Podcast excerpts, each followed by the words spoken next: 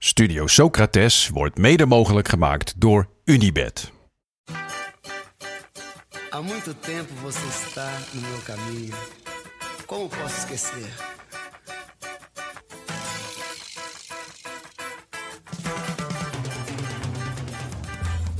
Welkom bij Studio Socrates, een podcast over alles wat voetbal mooi maakt. Met deze week onderschatte voetballers.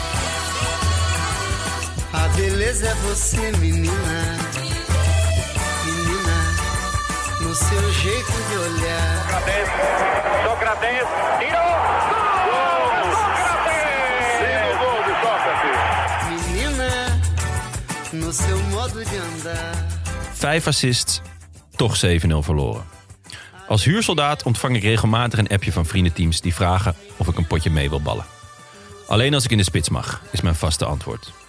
Nou ben ik niet de snelste en aangezien veel van dergelijke ploegen het liefst de bal naar voren peren, is het altijd even wennen. De keren dat ik de bal in mijn voeten krijg, zoals ik voor de wedstrijd altijd aangeef, doe ik er meestal wel wat goeds mee. Zo ook een paar weken geleden.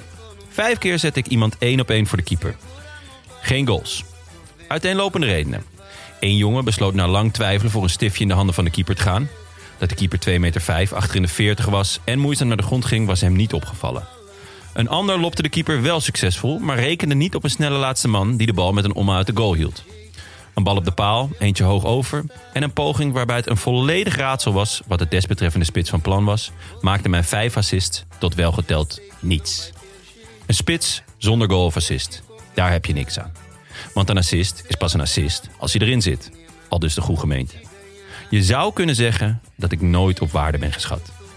Stond ik dan helemaal niet op het wedstrijdformulier? Jawel, een gele kaart. Voor praten, tegen de scheids. Maar dat is logisch.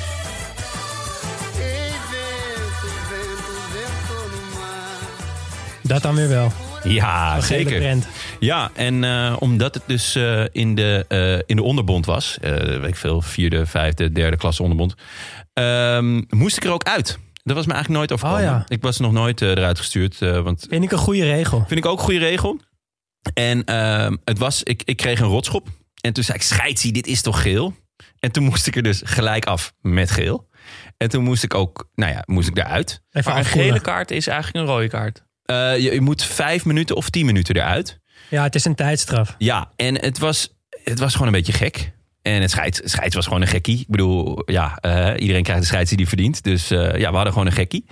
En ehm, eh, ik, ja, ik liep dus naar de kant. En ik ging zitten. En ik zat net. Eh, en ik zeg, nou, scheids is helemaal de weg kwijt. En op dat moment kijkt scheids me aan en zegt, kom er maar weer in. Hij wou even een statement maken. Maar goed, dus eh, vandaar. Ik, we gaan het vandaag hebben over onderschatte voetballers. Ben ik natuurlijk eh, van mening dat ik dat zelf altijd ben geweest. Hè? Want als ik het niet vind, vindt niemand het. Maar ik was. Mijn inschatting was meer dat we het iets meer over data gaan hebben. Gaan we ook doen. Maar daar is mijn, mijn, mijn intro een beetje op geënt. Dus dat jullie niet denken van, goh, wat, wat een rare intro. Ja, nee, dat is goed dat je het zegt. Want we, Ja. we hadden dat onszelf als thema gegeven. Onderschatte voetballers. Vinden we een mooi gegeven.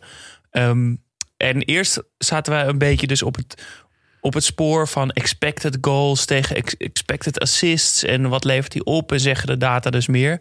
Maar dat kwamen we erachter dat we dat eigenlijk niet zo interessant vinden. Nou ja, ik, ik vind het wel interessant, maar ik snap er gewoon. Tenminste, het, it's a jungle out there. Weet je? Precies, je, ver- je verzuipt in een moeras van statistiek. En heel veel mooie voetbalblogs. En, en ergens eh, op de achtergrond hoor je, hoor je Pierre Noir in je oor fluisteren. Van eh, je begrijpt er niks van. Je begrijpt er niks van. En, eh, En dat klopt. Ja, nee, inderdaad. Dus we, we, we hebben ons best gedaan. Maar Nee, maar en uiteindelijk, en dat vind ik ook echt, vind ik het ook interessanter dat we deze aflevering meer hebben over hoe het kan dat de perceptie van een speler een, bepaald, een bepaalde richting heeft. ja, Waarom vinden we een speler nou niet zo goed, terwijl die misschien wel goed is? Ja. Hoe kan het dat die onderschat is? Ja, Of overschat, maar we gaan het deze aflevering over onderschat hebben. Maar Leuk, eerst eh, Sinterklaas was het dit weekend. kom maar binnen met je. Onderschatte, onderschatte heiligman.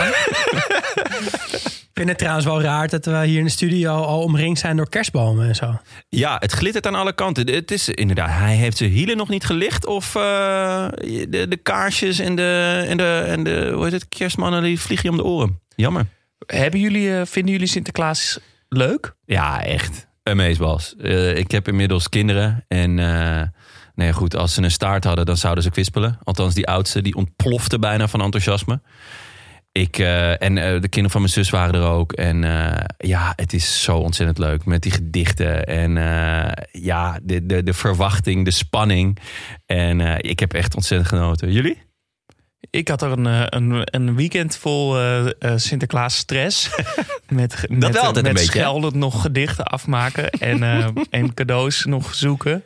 Gelukkig had mijn vriendin cadeaus al gekocht die ik kon geven. Dat was Wat? echt een luxe. Wat een vrouw. Want ik vind dat echt verschrikkelijk om te doen. En ze had ook nog eens hele goede cadeaus. En dus ik hoefde alleen het gedicht te schrijven. Lekker. Maar en, Wie had je getrokken? Ze heeft nog raad bij me gevraagd trouwens. hè? Echt? Oh. Ja, zij, zij had mij getrokken als loodje. Oh, En eh, ik had eh, haar moeder. nice. Dus toen heeft zij daar een cadeau. eh, maar dat mag eh, Erna niet horen. ik, hoop, ik hoop niet dat ze luistert dan.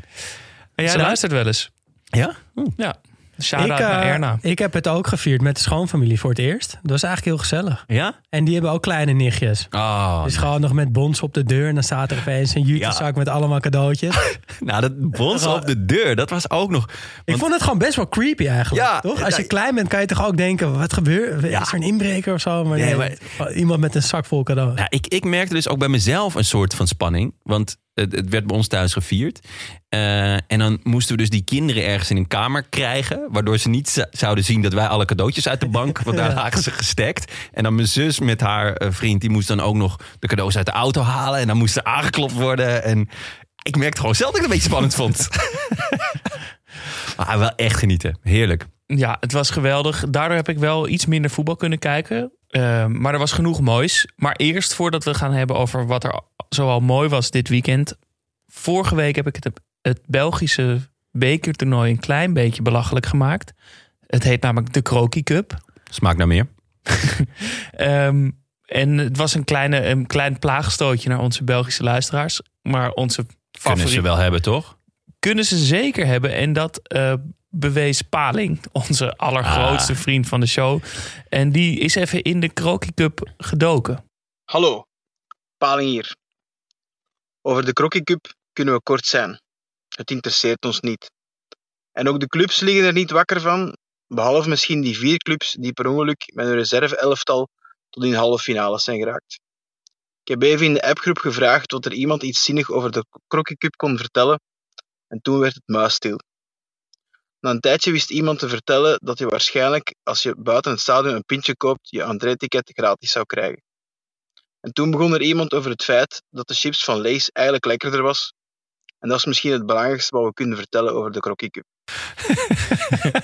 Ik Ja. moet eerlijk bekennen, ik, ik had het, eh het geluidsfragment nog niet gehoord, dus ik hoor het nu voor het eerst. En ik dacht ook, waarom heet het eigenlijk de Croquis Cup? Lees is toch veel lekkerder? Gewoon drie seconden later zegt hij dat.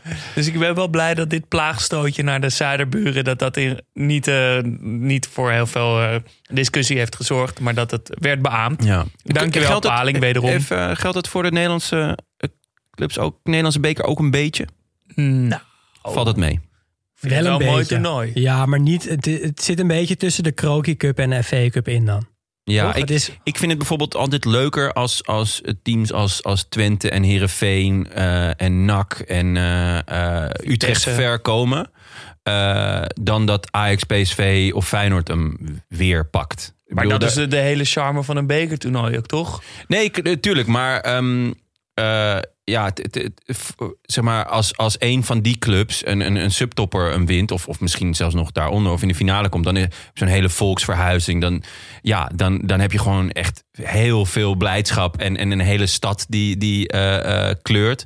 Terwijl als bij, voor Ajax Feyenoord, PSV is toch een beetje een, een bij, bijprijs of zo, toch? Ja, maar toch, er zit toch lekker wel wat traditie omheen met die badjassen in de kuip en de dennenappel. Ik vind het toch wel wat hebben. Badjassen en een dennenappel. Dit Ja. klinkt wel Ja, als... het maakt niet we uit, gaan echt maar- hard richting kerst nu. Het maakt niet uit wa- wat voor tradities, maar het feit Ja, dat er tradities dat er zijn, dat is mooi. zijn. Ja, oké. Nou goed. Is, is Handka Junior dan ook een traditie? Nee, dat. Oké. Nou goed. Eh, wat maakte voetbal mooi dit weekend? Ehm, ja, ik, eh, mag ik? Of wil jij... eh, heb je, nou ja, ik, ehm, ik zag de goal van eh, Lucas Moura voorbij komen. En dat was echt een feest. Ik ben al heel lang fan van Maura. Eigenlijk al toen hij bij Paris Saint-Germain speelde. En ik vind hem ook best een onderschatte voetballer. Tuurlijk heeft hij voor een enorm trauma gezorgd. met drie goals tegen Ajax in de, in de halve finale. Maar ik vind hem echt een heerlijke speler. Eh, de goal, ik zal kort beschrijven. Hij krijgt hem aangespeeld op middenveld. Hij draait weg bij zijn man. Gaat een combinatie aan met de spits. Krijgt hem weer terug. Speelt vervolgens nog anderhalve man uit. En hij streept hem in de kruising tegen eh, Krul. Eh, ja, en ehm, ik, vind, ik vind vooral de uitspraak van die Valentijn Driessen, de lul. Eh, ja, over hem heeft gedaan. En dat daarna dat hij drie keer scoorde. Tuurlijk, het was natuurlijk vervelend dat het tegen Ajax was. Maar het, ja, een, ook een mooie bevestiging dat Valentijn Driessen er echt, echt geen snars van begrijpt. Ik vond het ook echt een schitterende goal. En hoe die dan die bal langs de ene kant van, die, van, die, van zijn tegenstander tikt. En langs de andere Ja, kant wegdraait. inderdaad. En het, er zat wel echt veel in, inderdaad.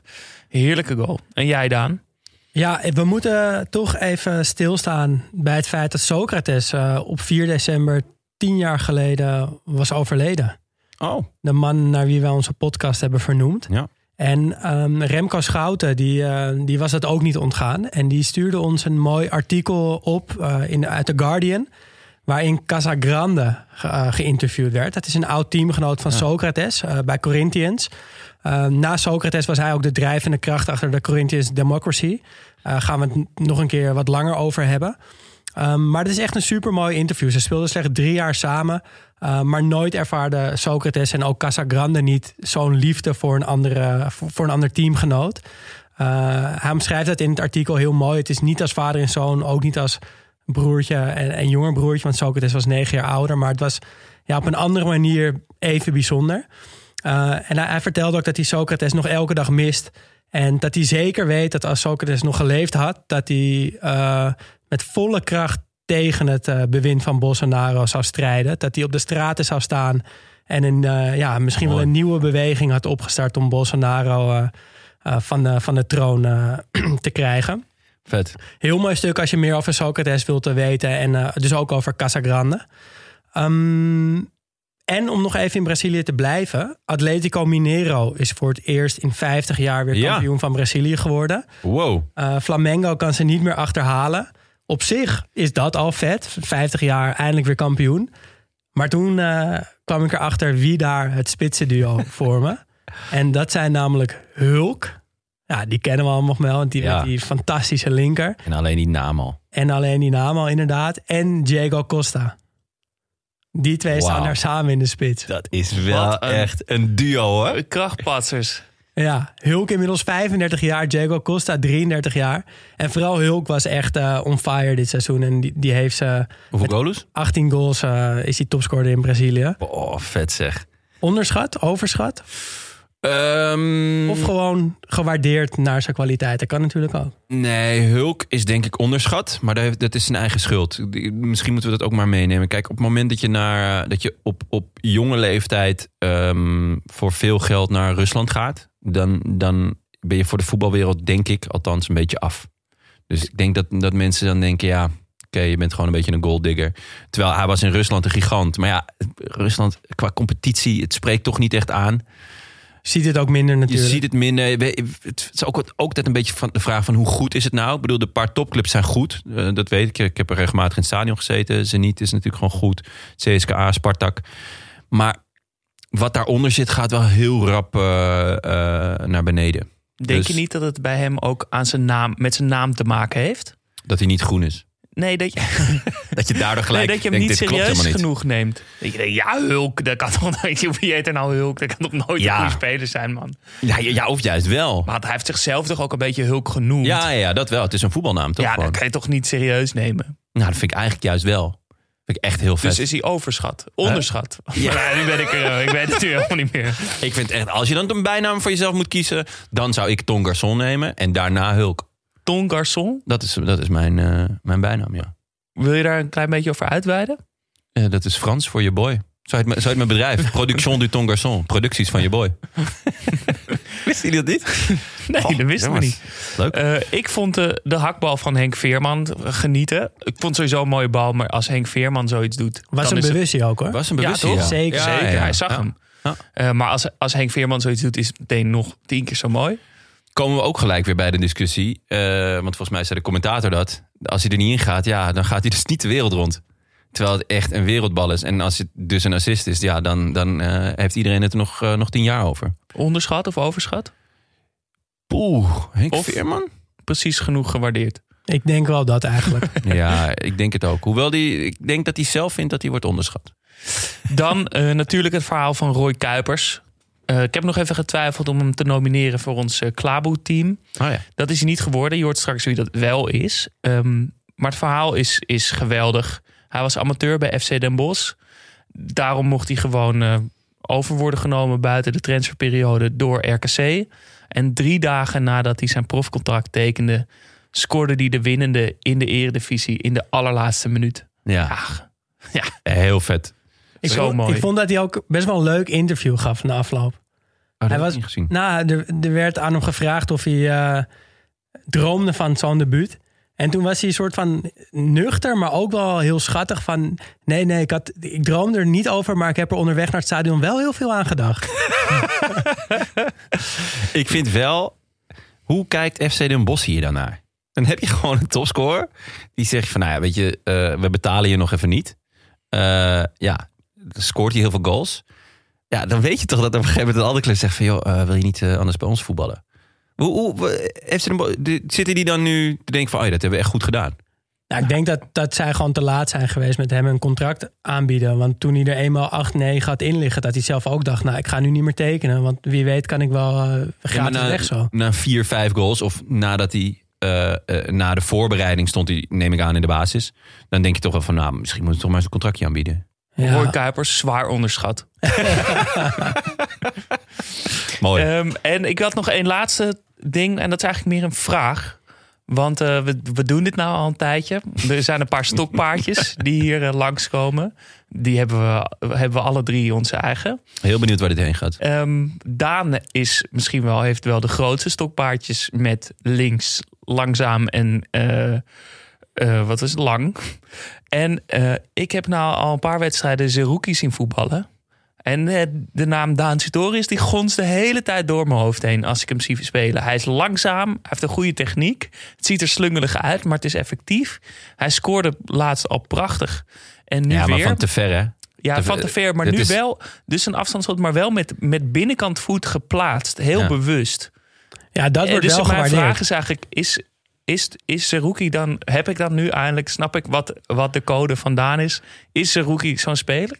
Ja, het is echt zeker zo'n speler. 100 Hij is alleen wel rechts, dus. Ja, dat is wel. Dat is toch echt een min achter de naam Saruki. En hij schiet van te ver. Ja. En ja, ik, volgens mij heb ik de vorige keer ook al gezegd: van ik, heb, ik moet toch een keer een hele wedstrijd van hem zien. Dat, dat heb ik nog niet gedaan. Ehm, en ik, heb, ik voetbal met twee jongens die lang bij Ajax hebben gevoetbald in de jeugd. en die zeggen allebei dat hij er echt helemaal niks van kon. Overschat, overschat. Dus, dus dat vind ik ook nog moeilijk. Maar ik, ik, eh, het beeld wat je van hem schetst herken ik wel. En het is wel het type speler waar ik echt van hou.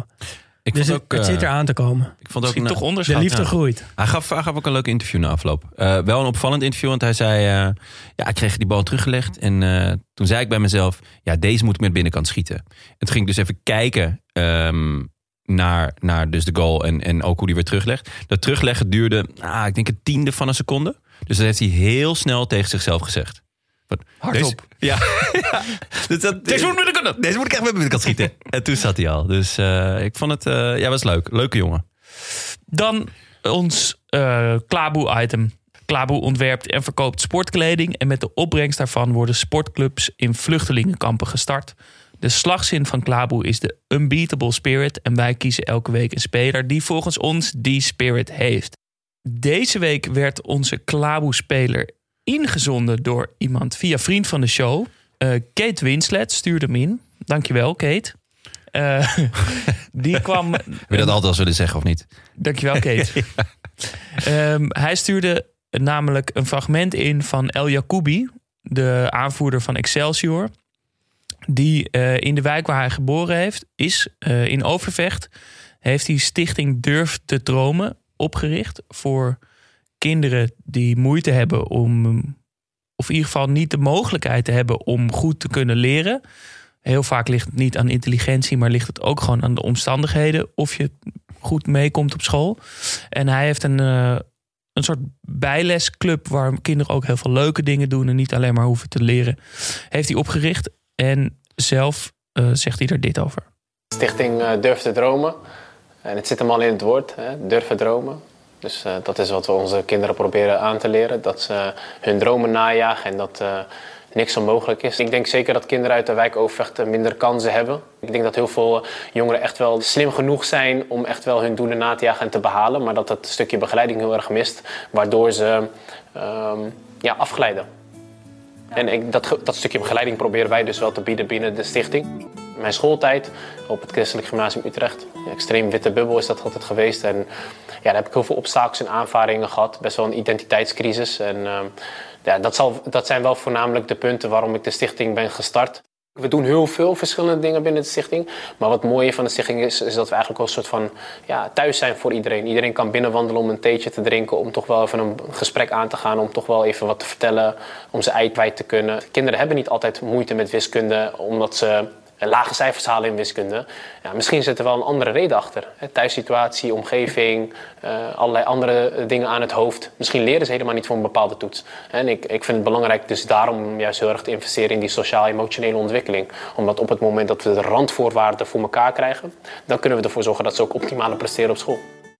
Mooi. Leuke gast ook. Eh, misschien wel leuk om een, keer, eh, om een keer uit te nodigen. Toch? Zeker. Als je zit te luisteren, je bent welkom. Ja. Stuur een berichtje. Mooi. Eh, hij is dus onze Klaboe-speler van de week. Ehm, neem een kijkje op klaboe.org of Instagram via de Klaboe en steun dit eh, sympathieke eh, mooie merk. Oké, dan het grote thema van vandaag. Het niet te onderschatten thema. Namelijk onderschatten voetballers. En dat heeft misschien een klein beetje inleiding nodig. Want het is een, een, een, een moeilijk thema misschien. Ja, omdat het toch een van de eeuwige discussies onder voetbalfans is. Van welke speler is nou goed en waarom? Uh, wie wordt onderschat, wie wordt overschat? En vooral welke factoren zitten daar nou achter? Van hoe kan het nou dat een bepaald type speler altijd onderschat wordt en een ander juist niet? En achter die factoren, daar gaan we, daar gaan we naar kijken, deze aflevering. Ja, Ja, precies. Want anders vervallen we inderdaad misschien in een soort meningencircus... waar we in deze podcast volgens mij heel hard ons best doen om niet in te vervallen. ja. Eh, van eh, die is wel goed of die niet. Eh, Nee, we gaan het dus echt over de discussie hebben. Toch? De, de discussie zelf. Van waarom is iemand goed, waarom is iemand niet goed. Dus juist niet namen noemen. Af en toe ook wel. Tuurlijk, dat, dat zal toch, daar kunnen we, daar ontkomen niet aan. Maar dus de factoren die meespelen, die, die het beeld creëren van een speler, toch? Ja, ik dat denk is dat, wat we gaan doen. dat de, de perceptie van een speler... dat het interessant is om te kijken... waarom wordt een bepaalde speler zo gezien eh, Ja. of niet. Nou, dit was volgens mij ook vooral voor ons even een geheugensteuntje... of een soort eh, richting, want we hebben er zelf ook... kwamen er nog niet helemaal achter... Ja. wat we er nou precies mee bedoelden. Maar eh, dit bedoelen wij Ja. met de onderschatting. Dus we gaan het hebben over de discussie. We gaan het hebben over de dis- we gaan discussiëren over de discussie. Yes. Waarom, wat maakt een speler onderschat of niet? Ja. Oké. Dus laten we bij het begin beginnen. Wat is onderschatting? Ja, nou volgens de dikke Van Dalen betekent het te laag waarderen of iets slechter inschatten dan de werkelijkheid. Ja, dat lijkt me Dat is duidelijk. lekker duidelijk. Ja. Nou, Ehm, deze de- definitie, kunnen we die op voetballers plakken? Dus als je een voetballer te laag waardeert, dan onderschat je hem, toch? Dat is het idee. Zo simpel is het volgens mij wel, ja. En wat het dan interessant maakt, is hoe komt het dan dat sommige spelers structureel ondergewaardeerd worden? En welke factoren zijn dan aan te wijzen in die, in die dyna- dynamiek eigenlijk? Ja. En dat, dat eh, kan dus te maken hebben met eh, positie, maar ook met media of uiterlijk of dat soort dingen, toch? Ja, Oké. die factoren. Want ik, ik denk dat wij er automatisch nu al in ons hoofd een, een beeld hebben van mensen of van spelers. Van ja, die, die krijgen natuurlijk nooit echt de waardering. die worden nooit echt op waarde geschat. Ja. De hardwerkende eh, middenvelders of de, de, de backs. Of de, terwijl Ja. de, de spitsen er altijd met alle credits vandoor gaan. Yes. Ehm, dus inderdaad, positie misschien wel de eerste die, er, die ervoor zorgt dat spelers onderschat zijn. Ja, want wat ik daarin een hele interessante vind, is bijvoorbeeld de aanvallend ingestelde backs. Ik heb het idee dat als een back goed kan aanvallen, dat er altijd automatisch wordt gezegd: ja, maar hij kan niet zo goed verdedigen. Hoe vaak je dat wel niet hoort bij Mazraoui of zo, of, of eh, Alba, of vroeger bij eh, Dani Alves. En dan denk ik, ja, die zijn gewoon zo goed aan de bal, zo goed aanvallend. ehm, dat ze ja, niet per se verdedigend slecht zijn. Ze zijn alleen verdedigend misschien iets minder goed dan dat ze kunnen aanvallen. Maar dat komt omdat ze zo goed kunnen aanvallen. En dat is, maar de, dat is de, relatief, de subjectiviteit of de relativiteit wat, wat dat hele onderschatten volgens mij in zich heeft, toch? Ja, binnen, binnen welke maatstaf eh, eh, kijk je ernaar? Ja, dus je zegt eigenlijk dat ze eh, eh, dat, dat men vindt dat ze slecht kunnen verdedigen, omdat ze heel goed kunnen aanvallen. Ja, dat, Mooi Ja? gezegd. Ja. toch? Dat is toch, want als je, nou, ik noem net al Mazraoui, die heb ik in de Champions League wedstrijden zien spelen tegen Ribéry bijvoorbeeld. Wat gaat dit doen? Gaat die schaartje doen? Ja, dat zei hij toen in een interview na afloop, wat echt genieten was. En ook als je hem dit jaar ziet spelen, hij kan heel erg goed verdedigen volgens mij. Dus dat is een soort van rare twist in de hoofden van voetbalkijkers. Dat als je één ding heel goed kan, dat er automatisch ervan wordt uitgaan dat je iets anders niet goed kan. En Ja. als je heel goed kan aanvallen als back, moet je dan ook wel heel goed kunnen verdedigen? Hoor, ja, Maakt het eigenlijk inderdaad maakt niet het uit. eigenlijk uit. Omdat je. In dit specifieke geval dan. Want misschien als je aanvallend zo gevaarlijk bent, zorg je er ook voor dat hij, stel als je rechtsback bent, dat hij linksbuiten de hele tijd met jou mee moet. Nou, ik, ik vind bijvoorbeeld Trent Alexander-Arnold daar nog wel een geinig voorbeeld van. Want die is inderdaad zo goed in aanvallen. Ik zag laat een statistiek dat hij eh, met 23-jarige leeftijd...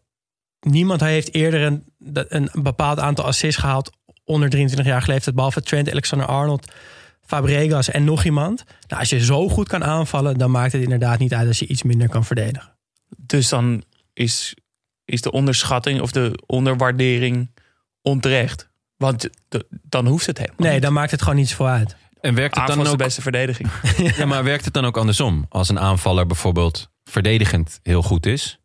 Ehm, nou ja, ik, Dirk Kuyt schiet mij in mijn hoofd. Moest ja. ik ook gelijk aan Nee, ja, ja, het is wel waar. Ja. De enige mee verdedigende aanvaller. Nee, Ja, nee, ja, goed. Het is wel iemand die, die eh, bij heel veel trainers ontzettend geliefd was. Bij het publiek eh, waren er altijd twijfels. Elke stap die hij maakte, eh, van Katwijk naar Utrecht, van Utrecht naar Feyenoord, van Feyenoord naar Liverpool, altijd vraagtekens. En toch stelde de coach hem altijd als eerste op. Ook bij het Nederlands elftal. Ehm, dat was dan waarschijnlijk vanwege alle verdedigende meters die hij deed. Dus Ja, ik vind dat interessant. Ik heb inderdaad vaak, denk ik, wel een back erop de- opgepakt van ja, hij kan helemaal niet verdedigen. Maar ik heb eigenlijk nog nooit gedacht van nou, die spits die kan helemaal niet tackelen. Dat heb ik nog nooit, is nog nooit in mijn Nee. hoofd opgekomen. Maar ja, ja, goed. Ik denk, ik denk dat Dirk Kuyt is, is het, het, het tegenovergestelde. Van, eh, ook wel heel typisch dat hij dan uiteindelijk ook nog als back eindigde bij eh, Van Gaal. Maar ja, dat... dat Dat was eh, eigenlijk gewoon altijd al zijn positie. Ja, zul je net zien. Ehm, nog een eh, factor. Daan. Ehm, nou, ik denk ook voetbal is natuurlijk ook een amusementsport. We kijken allemaal voetbal omdat we vermaakt willen worden. Eh, sluit misschien ook wel een beetje aan bij wat jij net over Dirk Kuyt zei. Natuurlijk geen spectaculaire speler.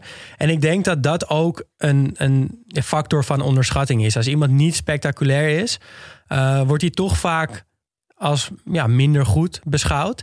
En Haris Menoujanin, toen hij hier een aantal weken geleden te gast was, die zei er ook wat moois over. Over de kunst van, van simpel voetballen. Van eigenlijk dus niet, niet per se spectaculaire dingen doen. En hoe moeilijk dat eigenlijk is. eh, en hoe ondergewaardeerd dat wordt. Eh, daar wil ik eigenlijk wel even naar luisteren. Simpel spelen is het moeilijkste wat er is. Eh, want iedereen denkt, eh, want soms op trainen en zo eh, doe ik iets en zeg ik tegen hun, zie je dat? Maar ja, niemand zegt zo van, oh, oh, is wel mooi. Maar ik zeg, ja, als Messi dat zou doen, dan zou je wel voor klappen en zo, weet je. Maar ja, als jij zo ziet, iedereen is, ah, dat is wel makkelijk zo. Maar ja, doe je dan in het veld, ja, dan denk je, oh ja. Want vooral nu in deze tijd, iedereen wil de actie maken. Iedereen wil er een mooie show van maken. Maar ik hou meer van spelers die gewoon simpel spelen en gewoon... Ja, want- weten wat ze doen en zo. Ja, eigenlijk is dit natuurlijk gewoon kruif, hè? Voetballen simpel, maar simpel voetballen, dat is het moeilijkste. Hij kent zijn klassiekers. ja, ehm, de voorbeelden van, van, van spelers eh, die, die simpel spelen. En, en de- ja, daardoor eigenlijk niet zo opvallen. Is Bu- Busquets misschien wel het, mooiste voorbeeld daarvan? Ja, da- dat is echt een, een super voorbeeld daarvan.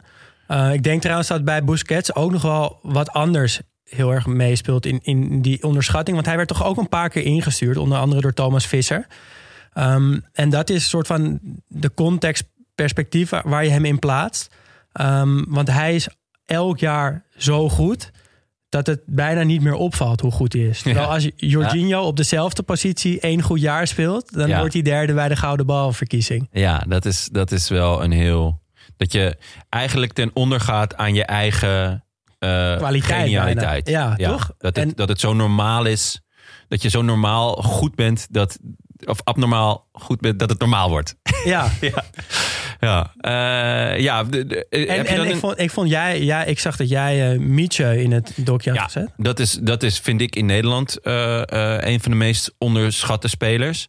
Eh, vorig jaar bij AZ keek iedereen natuurlijk naar, eh, naar de, de, de heilige drie-eenheid. Naar eh Boadu, Stengs en, eh, en Koopmeiners. En, maar ik vond, en, en eh, volgens mij gaan we het eh, daar ook zo over hebben. Misschien kunnen we dat nu wel doen. Dat eh, de verdedigende middenveldpositie, dat daar vaak spelers lopen die, die, die onderschat worden. En ik vind Mietje daar een, uitstekend voorbeeld van. Hij is in mijn ogen een verdedigend middenvelder die zowel kan voetballen. dus, dus aanvallend kan voetballen als verdediger. Dus hij pakt veel ballen af. Maar hij speelt ontzettend sober. Hij, je, je zal nooit, hij gaat niet schieten van 30, 40 meter. Weinig Of- goals, weinig assists. Weinig goals, weinig assist. Ehm, dus ja, hij is voor mij wel een, eh, in Nederland in ieder geval echt zo'n onderschatte speler. Ja, maar voordat we denk ik naar de positie gaan, Ja. dacht ik, ik denk dat er ook zoiets is, namelijk als dat je dus heel veel spelers zijn niet spectaculair en vallen daardoor niet op. Maar ik denk dat er misschien ook wel een veel kleiner groepje is die te spectaculair zijn. Dat je eigenlijk niet door alle pracht en praal helemaal niet door hebt hoe goed ze zijn. En aan wie denk je dan? Nou, ik, ik, ik moest meteen denken namelijk aan Bergkamp. Want die zien we natuurlijk als een fluwele, fluwele voetballer met een prachtige techniek en eh, natuurlijk een heel goed spelinzicht. Maar die wordt door al zijn teamgenoten genoemd als een trainingsbeest die keihard, bikkelhard eh, verdedigt en, en, en je gewoon kaart op je plek zet. Heb ik, had ik nog nooit gezien. Nee, Toch, omdat hij- alleen maar naar dat lopje. Omdat, het hem, omdat hij te mooi is, te frele. Hij is, ja, Te- hij heeft voetbal te mooi om, om, Om- te, om door te hebben dat, wat hij ook Ja. verdedigend dus doet. Ja. Of eh, ik, misschien ook wel Ronaldinho. Poeh, dat weet ik niet hoor. Nou, ik denk dat als er zo'n dikke laag Choco Bonito op ligt... zie je niet meer wat hij op het veld in positiespel, in pases Ik- ook toevoegt. in mijn ogen kan je Ronaldinho niet onderschatten. Je kan hem ook niet overschatten. Hij is gewoon... Ja, maar, ja, misschien... Maar daarin onderschat je hem dus, ja, denk ik. Oké, ja, nee, daar... daar Maar je begrijpt wat ik bedoel. Ik bedoel, Ja, dus dat- of, of het Ronaldinho Door alle pracht en praal... ik je- denk dat er een, een kleine groep spelers is, bedoel ik, die, waar je niet door hebt hoe goed ze zijn, omdat je alleen maar let op de, op de trucjes. Ja, En dat je ze niet ziet dat ze mee verdedigen, of dat ze, de, dat ze het middenveld op een plaats zetten, of dat ze het spel lezen. Of, Een, een ander leuk voorbeeld daarvan, ingestuurd door eh Fatou Piet, ook een luisteraar. Eh, die kwam met eh Abel Tarabt. Die dus Ja. heel lang een nou ja, Ronaldinho-achtige links-rechts buiten was. Heel veel trucjes, heel veel show. Maar nu, die nu bij Benfica dus op verdedigende middenveld laat zien... dat hij dus wat jij eigenlijk net omschrijft... al die andere kwaliteiten ook in zich heeft. Maar die waren altijd verstopt onder een laag show eigenlijk. Ja. Ja, ik kreeg hem in de, toevallig ook iemand op eh, Twitter die mij eh, stuurde van... hé jongens, eh, waarom hebben jullie het nog nooit over hem gehad? Inderdaad, echt een schitterende speler. Maar hij staat nu verdedigende middenvelder bij Benfica. Ja, nou ja, dat zou ik er niet direct in zien. In ieder geval op het middenveld met minstens één aanvallende middenvelder nog voor hem. Ja, ja, ja. En hij doet het eh, echt uitstekend. ja. Dus dat Vet. is wel heel vet om te zien. Mooi. ik moest trouwens ook aan Mbappé denken. Die dacht ik ook, ja, die is gewoon heel snel en die kan heel goed afwerken. En die is, maar die, toen we onze aflevering over spelinzicht maakten en we het hadden over scannen, dus Ja. hoe vaak een speler om zich heen kijkt eh, zonder bal en of dat de bal net naar hem wordt gepaast, eh, scoorde Mbappé dus relatief Scoorde heel hoog. scoorde hij gewoon heel hoog. Zeker van en alle dat voor spitsen. zo'n, voor zo'n snelle aanvaller verwacht je dat helemaal niet. Want je denkt, die staat op de middenlijn te wachten tot er een bal de diepte in wordt gespeeld. Ja, het werd er ook gezegd in het artikel dat spitsen het minste scannen. Van eh, na, eh, toch? Of het minst Ja. of het ene minst. Eh, dus ja, wat dat betreft is het natuurlijk wonderbaarlijk eh, dat, dat hij dat dan wel doet. Ja. Nou, interessant gegeven. Dat is ook spektakel voor onderschatting eh, kan. Ja, het, het strooit misschien wel wat zand in de ogen. Ja. Ja, ja. Wat ook zand in de ogen strooit, denk ik. Eh, uiterlijk. Zeker. Echt heel erg. Misschien is dat wel de grootste factor, denk ik. Ja. Dat we toch een soort hele makkelijke, oppervlakkige wezens zijn... die gewoon denken, oh, hij ziet er niet uit als een voetballer. Hoe kan Michel Flap nou ooit profvoetballer zijn? toch? Dat, dat, dat denk ik wel altijd. Als ik hem zie voetballen, denk ik... ja, die kan niet goed zijn. Want hij ziet er gewoon niet uit als een voetballer. Niks tegen Michel Flap. Nee, nee, zeker niet. Ik, ehm, ik stuitte eh, in, in, in, in het, eh, de voorbereiding stuitte ik op een mooi eh, artikel op de correspondent van Michel de Hoog. En het heet Waarom Schlemiel Lex Immers in werkelijkheid een van de beste voetballers van Nederland is. En hij was, hij was in, in, ehm, in de data gedoken en dus ook in expected goals en expected assist. Want eh, de statistieken van Lex Immers waren eh, best aardig. Maar ehm, statistieken zijn heel lastig. Dat heb ik ook eh, ondervonden in de voorbereiding. Ik ben echt, je komt in wormholes en ineens ja, voel je een soort Pieter Zwart. Maar dan, ja, je hebt Wie, wel de... Pieter Zwart? Hè? Pierre Noir. Ah, oké. Kijk, je, je hebt wel de, de, de klepel, eh, de, de luiden, maar de klepel, ja, die, die kon ik toch elke keer niet vinden. Ehm, maar hij stond dus bijvoorbeeld eh, in, in het seizoen waar het over ging, dat is tien jaar geleden, ehm, stond hij dus, eh, had hij maar drie assists.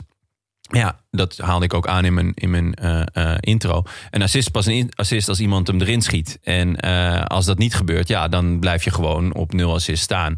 Of, Ja, en dat ene tikkie breed is Inderdaad. Een, is een assist... terwijl iemand nog zes man langs moet. Ja, bijvoorbeeld. Dus, ehm, en het, dus hij was eh, gedoken in de expected assist per wedstrijd. En dat, dat geeft dus aan de ballen die je geeft, eh, eh, hoe makkelijk je het maakt voor een speler om te scoren. Dan kijken ze dus naar positie, naar hoek op de goal, naar afstand van de goal.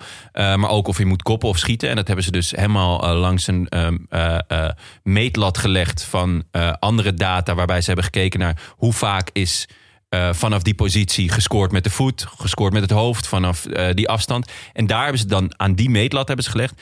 En toen kwam je dus op, op eh, stond hij ineens top 10 tussen mannen als Tadic, Kostic, Ziyech, Piazzon, Boetius. Niet de minste, stond hij ineens heel veel hoger. Heerlijk Ehm, rijtje trouwens. Heerlijk rijtje, Toch? zeker. Ja. terug, als je terugkijkt naar, naar, naar die periode Eredivisie... dat Tadic bij, bij Twente en, eh, Ja. en Ziyech bij Heerenveen. ja, nog. want dit is heerlijk. uit, uit, eh, uit 2014 is dit. Ja, en Ehm, Lex he- heeft in die zin gewoon hoe hij eruit ziet. Ja. Natuurlijk. Je, je onderschat hem daardoor al. Klopt, en ook, maar ook hoe die beweegt. Ja. Heel hoekig. Eh, hij heeft een ooievaar op zijn, op zijn rug getatoeëerd. Ja, groot ook. Ja, groot ook. Ik denk En- dat tattoo ook een grote... Inmiddels heeft iedereen. Maar een ooievaar is ook een heel hoekig dier. Dus de, hij, hij werd ook een soort maar ik ooievaar denk op een dat, gegeven dat, moment in mijn motoriek, dat motoriek bijna iets- iets anders is dan. Dat uiterlijk. puur het uiterlijk, ja. Ik denk dat uiterlijk kan je echt tegen hebben. Kan je nog zo mooi voetballen, maar als je eruit ziet als dus een reiger, dan, dan gaat het hem gewoon. ooievaar, hè? denk ik- Ooievaar. Oh, ja, Anders het, krijgen we eh, mailtjes uit de naam. Ehm, dan, dan krijg je het gewoon heel lastig. Maar, maar en motoriek is denk ik eh, misschien. Ja, ja, ik heb het jou vaak horen zeggen, Daan, dat, dat omdat Donny van de Beek raar met zijn mond open speelt en zijn schouders hoog, dat je toch hem onderschat. Ja, ik ben er echt heilig van overtuigd. En Donny van der Beek inderdaad, die, die lijkt onder hoogspanning te staan... als je ziet hoe zijn lichaam beweegt. Gewoon in hele korte shocks, heel hoekig. Eh, Berardi, nou ja, mijn grote, de liefde van mijn leven.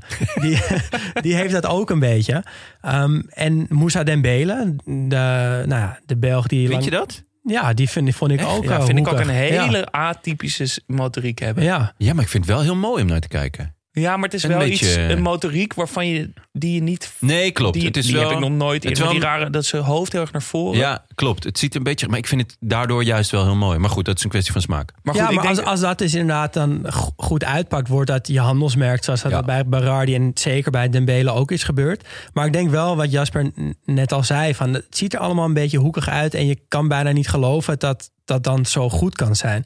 Als je het bijvoorbeeld vergelijkt met Beckham of Pogba, bij wie het er allemaal prachtig uitziet, die hebben dan toch door die motoriek en houding een streepje voor. dat denk Ja. ik zeker, ja. Eh, nog heel even terugkomen op uiterlijk. Want we, we, we noemden Lex Immers. Maar er zijn vast nog een aantal andere lelijke voetballers... die we eh, chronisch onderschatten. Nou, de, de, de, me- die het meest ingezonden werd, Paul Scholes. Ja, hè? Ook, ook omdat veel medespelers en tegenstanders over hem zeiden van... is de beste met wie ik ooit heb gespeeld... of de beste met tegen wie ik heb gespeeld. Ja, ik denk dat en dat, en dat samen met data. Want daar gaan we het straks ook nog een beetje over hebben. In, in, hoe- in hoeverre je door data kan zorgen dat iemand niet of juist wel onderschat wordt. Ehm, eh, wat wilde ik zeggen? Ik weet het niet meer. Scholes? Oh ja, nou, Paul Scholes heeft gewoon rood haar. Toch? Dat is het hele ding, dat het niet eens uiterlijk is. Het is gewoon, eh, Ja. gewoon rood haar. Denk je, ja, die kan niet voetballen. Rood haar en heel Oh nee, wit. ik weet al wat ik wilde zeggen. Ik wilde zeggen dat aan de ene kant heb je denk ik data waarop je kan Ja. varen om te zorgen dat of iemand onderschat is of niet. En aan de andere kant is iets waar ik zelf in ieder geval heel veel waarde aan hecht.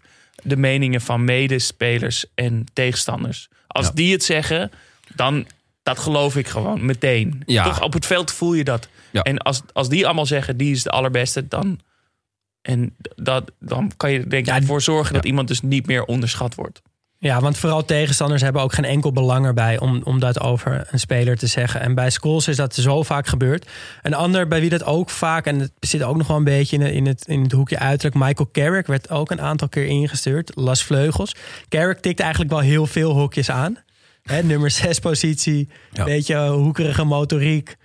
Niet Onopvallend. onopvallend Ja. uiterlijk, maar was toch wel een hele goede speler. Ja, maar inderdaad, hij zou ook gewoon eh, accountant of zo kunnen Ja, ja. En nog steeds. zijn. Ja, Toch is- toen hij er langs, weer- hij de lijn stond. Hij is weer vrij, toch? Dus hij, heeft, hij wel, zou ja. het gewoon op kunnen pakken, het accountancy. Ehm, dan eh, denk ik ook, wat, wat misschien ook een beetje in dezelfde hoek zit als motoriek en uiterlijk, is persoonlijkheid. Het gebrek eraan of te veel persoonlijkheid kan er denk ik echt voor zorgen dat je. Want Galasek zou je misschien kunnen zeggen, ja, het is misschien ook Ja. uiterlijk, maar zo'n timide, rustige, ingetogen man, die ga je nooit. Toch? Die, daar ga je geen interviews mee kijken. Daar ga je niet het shirt van kopen. Maar dat is wel jarenlang de drijvende kracht geweest. Ja. Timmy Ja. Simons, Timmy Simons. beetje hetzelfde. ja, maar bij hem werd het bijna een soort van gecultiveerd. Eh, zeker ook met. eh, hij was of de voorganger of eh, de opvolger van Johan Vogel. Misschien is dat trouwens wel exact dezelfde mens. Dat, je, dat Johan Vogel en Timmy Simons eigenlijk dezelfde persoon zijn. Zou mij niet verbazen. Mij ook niet.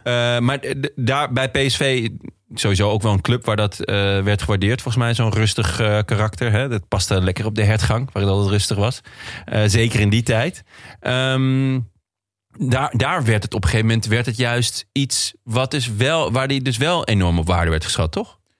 Ja, dat is, ja, precies. Maar dat werd een beetje gecultiveerd. Ja. Dat het juist omdat hij zo saai was, werd hij Ja. ook goed gevonden. De- Misschien. ja, gewoon degelijk. eh, deed geen gekke dingen. Was, eh, speelde altijd een zes. Maar dat heeft wel jaren geduurd. Ja, soort van, je moet er dan wel heel lang heel saai zijn. wil dat gecultiveerd worden. Je kan niet in jong Ajax eh, of jong PSV drie wedstrijden saai spelen. En dat Nee. iedereen zegt, jezus, is dat een mooie saai speler zeg. ja. Ik denk trouwens dat het andersom wel ook zo werkt. Want we kregen ook een inzending van een luisteraar... die kwam met Mark van Bommel. En die zei... Volgens mij werd hij onderschat omdat hij zo irritant was. Iedereen had het alleen maar over hoe irritant hij was... terwijl hij eigenlijk hartstikke goed kon voetballen. Ja. Dat Ja. vond ik ook nog wel een interessante kijk. Ja, hetzelfde Ja. geldt natuurlijk voor eh toyfonen. Die ik altijd echt knettergoed vond. Maar het was zo'n zeldzame zak hooi. Daar kon je gewoon niet... Ja, je gevoel kon je niet laten vinden dat het ook daadwerkelijk een goede speler was. Maar mag je irritant zijn als je heel goed bent? Als je goed bent, mag je alles. Eh, Hier, en hier spreekt een slaat aan en eh, zo iemand als Barry van Galen dan, die juist zo'n soort hele hele grote, losbandige persoonlijkheid. Werd hij... Ik weet, ik weet namelijk niet zo goed. Wordt, wordt, werd hij nou wel op waarde geschat? Of dacht iedereen van ja, dat is gewoon zo iemand die... Ik Die denk na de trainer eh, het huis van zijn buren gaat schilderen en, eh, en Ja. een biertje. Maar Die die- zal wel niet zo goed kunnen voetballen. Ehm, nou, ik, ik denk dat, dat Van Galen heel veel geluk heeft gehad met die laatste paar jaar nog eh, bij AZ. eh die Adriaans. successen. Ja, want anders was het, hadden wij het nu nooit meer over hem gehad. Terwijl eh, het is niet dat hij ineens, want hij was toen al 31, 32, dat hij Ja. toen ineens heel goed was. Hij was altijd al heel goed, maar hij pakte heel veel gele, rode kaarten. eh, deed dingen ook, denk ik, naar trainers toe eh, bij Roda. Ja, waarmee hij zichzelf een beetje in de vingers sneed. Dus dat is wel. ehm, je kan ook door je, door je houding. eh, eh, kan je natuurlijk ook je eigen glazen ingooien. Waardoor je chronisch wordt onderschat, toch? ja, precies. Dat, die houding of die persoonlijkheid, Ja. absoluut. Ja, dat kan dus enorm tegen je werken. Maar, eh, en dat zat, zaten we ook te denken, dan moet je wel spelen. Ja. En als je niet speelt, word je volgens mij ook onderschat. Ja, ik vind dat ook altijd een rare dynamiek. Bijvoorbeeld dat de kwaliteiten van Donny van der Beek nu in twijfel worden getrokken omdat hij heel lang niet speelt, terwijl hij ook heel lang wel heeft gespeeld en ook heel goed heeft gespeeld. Ehm, Martinez bij Ajax had dat ook. Die zat maanden op de bank. Eh, ja, misschien was dat dan niet toch een miskoop. Terwijl die was toen al zo goed. Hij moest alleen op het veld op kunnen om dat te laten zien. Bergwijn vind ik hetzelfde. Hele goede speler. Maar ja, die heeft gewoon, net als Van der Beek, een nog betere concurrent. Dat is gewoon pech hebben. Dan moet je heel snel naar een andere club op, waar je je kwaliteiten wel weer kan laten zien. Berghuis is natuurlijk ook een, een voorbeeld. eh, in, in Engeland niet aan te pas gekomen. Eh, gaat naar Feyenoord en is zo goed als de beste speler van de competitie. Eh, Klaassen in zijn tijd bij Everton. Ja, ja kan je, dat slaat natuurlijk nergens op om, om te zeggen als iemand niet speelt, eh, eh, kan je er niks meer van. Maar het is Wordt ook toch wel, wel vaak gedaan. Ja, het is ook een, eh, een, v- een vrij logische gedachte. Maar ja, het is denk ik ook misschien daarin wel een beetje het kip of het ei. Toch? Want je zit ook op de bank omdat je misschien even minder speelt en kom je weer in vorm en daarom mag je spelen. Ja, Dat is- nee, tuurlijk. Dat, dat is ook zo. Alleen, het is niet zo dat als je op de bank zit, dat je dan niet meer goed bent. En dat vind ik altijd zo'n rare conclusie die dan wordt getrokken van ja, nee, eh, Van der Beek, als hij zo goed was geweest, had hij wel gespeeld. Het is een beetje, het is een cirkelredenatie natuurlijk Ja. op een gegeven moment. Ja. Nou, daar gaan wij dan ook dus zeker niet uitkomen. een, eh, nee, per definitie niet. Een eh, andere inzending door Badaantje. Die zijn eh, Manolev. Want we vroegen op Instagram en op eh, Vriend van de Show... wie is volgens jullie de meest onderschatte speler? Eh, daar kregen we heel veel hele gevarieerde antwoorden op. Dat vond ik nog wel het leukste van, Ja, de, van deze vraag. Want normaal krijgen we dus wel op een vraag vaak een beetje dezelfde antwoorden. Daar zijn we nog steeds heel erg blij mee. Dus blijf vooral gewoon sturen wat er in je opkomt. Maar bij dit... Dus het is ook iets ongrijpbaars. Ja, het, het geeft On- gewoon aan eh, dat, dat, dat, dat het een heel brede discussie is. En ook een discussie die enorm leeft. Eh, ik heb eh, drie jaar, eigenlijk elke wedstrijd die Slatan speelde eh, bij Ajax, heb ik hem moeten verdedigen. En ja, je blijft gewoon maar zeggen: nee, hij is wel goed, hij is wel goed. Maar ja, je, op een gegeven moment heb je ook niet echt handvatten meer eh, als hij alleen maar op de bank zit. ja. En eh, ehm, zeker als er dan ook nog eh, media-analisten overheen klappen. Was bij Slatan trouwens ook zo. Hè? Enorm, die Ja. werd echt tot aan zijn knieën afgebrand. Eh volkomen onterecht trouwens. Hij was altijd goed op training. Ehm, Op training, ja. op training, ja. maar Manolev is, is, is echt een heel tragisch voorbeeld van hoe iemand zijn carrière eigenlijk kapot is gemaakt. Want die carrière zat eigenlijk ontzettend in de lift. Hij eh, eh, kwam, ik weet eigenlijk niet, kwam hij uit Duitsland of, of rechtstreeks uit, eh, Bulgarije? uit Bulgarije? Of Maar is hij daarna naar Duitsland zeker. gegaan? In ieder geval, hij ging naar PSV en hij was een prima back volgens mij. Maar ik, iedere, het hele land kent Ma- een Manolefje. En dat is elke wedstrijd maakt iemand die doet wel iets knulligs. En hop, daar kwamen de beelden weer. En er werd hard om gelachen. Ja, dat is wel. eh, Dat is echt de kracht van de media om iemand nou, dus chronisch te onderschatten. Ander voorbeeld van de vaart met Maguire. Al heeft die wel gewoon gelijk, toch? Maguire, eh, Maguire tikt ook een hele hoop van deze eh box staan. Uiterlijk. Ehm, eh, Motoriek, motoriek, eh, persoonlijkheid. persoonlijkheid. Hij is niet spectaculair. ik ben ook, eh, ik vrees ook voor eh, Sven van Beek. Ja, en, Met die statistiek van die eigen goals. Daar Ja. gaat hij nooit. Ik ben zo bang dat hij daar nooit meer vanaf komt. En dus vanaf nu ook. Nu die acht. Het zijn er ook maar acht over een hele carrière ongeveer. Het valt ook heus wel mee. Het is niet dat hij elke twee wedstrijden er eentje inschiet. Acht is maar- wel veel. De statistieken liegen niet hier. Nee, nee ja. ehm, Maar daar komt hij nooit meer vanaf. Nee. En dat is iets wat heel, de media heel erg heeft gecultiveerd. Dat gaat nu door elke commentator elke wedstrijd gezegd worden. Oh, dan gaat hij weer bijna in zijn eigen goal. Dat, dat weet je, dat gaat gebeuren. Dat gebeurt al. daar Ja. komt hij niet meer vanaf. nee, Nee, komt daar ben ik bang vanaf. voor. En denk ik toch ook inderdaad een reden voor, eh, voor onderschatting, die eigen goals. Ja. Ehm, Ja, misschien is gewoon het feit dat je eigen goals maakt een onderschatting. Ja. Dat je daardoor onderschat wordt. De club waar je speelt, zou dat nog een rol spelen? Eh, ja, dat denk ik wel. Ik denk dat als je eenmaal het etiket hebt van een keukenkamp keukenkampioen-divisie of een tweede niveau in eh, of een kleine club in Spanje of zo, dat het heel moeilijk is om. Dan moet je echt vier keer zo goed worden om überhaupt opgemerkt te worden door Je denkt aan, aan Harry van der Laan. wie is Harry van der Laan. Harry van der Laan is de koning van de, eh, van de eerste divisie. Harry van der Laan maakte er, nou ja, ik denk tussen de 30 en de 70 per jaar in de, in de eh, eerste divisie in de jaren 90. En die heeft het volgens mij één keer geprobeerd bij, eh, bij Feyenoord. Dat ging niet lekker. Toen ging hij weer terug en eh uit mijn hoofd, FC Den Bosch heeft hij veel goals voor gemaakt. Maar echt een aantal van die clubs. Nu, nu is het eigenlijk Muren, die nu weer bij Volendam speelt volgens mij. Ehm, en die hij heeft het twee, drie keer geprobeerd in de eredivisie. En dan lukte het telkens niet. En hij kreeg dus op een gegeven moment gewoon echt het predicaat van... oh ja, jij, jij eh, eh, bent een eerste divisiespeler. Terwijl als je dus zoveel maakt in de eerste divisie, elk jaar weer... dan is het toch wel heel raar dat dat nooit lukt in de eredivisie. Maar het kan natuurlijk ook gewoon zo zijn. Ja, want wat, er, er zit toch tussen de nummer laatst van de eredivisie en tussen de nummer 1 van de keukenkampioen-divisie is toch niet een, een, een aantoonbaar verschil? Daar zit toch niet een, een stap van, oh, het gaat toch niet twee keer zo snel in de eredivisie? Nou ja, kijk, dat, dat is toch een hele... Een hele Nee, maar er zit wel een verschil in of een, een, eh, je bij een club speelt. Eh, zeker als, eh, als aanvaller is, is dat denk ik van belang. En dat, dat zie ik, vind ik ook heel vaak bij spelers die heel graag naar Engeland willen en dan naar een subtopper gaan. Is stel je bent heel goed bij Ajax. Dan ben je een speler die veel op de helft van de tegenstander speelt. Op het moment dat je dan naar South Park, South- Southampton gaat. Of, Naar South eh, Park. South- ik zat Queens Park Range en Southampton. Zat ik aan te denken. Ehm, dan, dan speel je ineens heel ander voetbal. Haller is echt een heel treffend voorbeeld. Die kwam er in Engeland niet aan te pas, omdat hij er alleen maar rond de middenlijn stond. Waar is hij goed? Ja, in de 16, in de buurt van de, van de goal van de tegenstander. En dat is als Harry van der Laan, eh, die, die speelde in de top eerste divisie. Ja, dan speel je dicht bij de goal.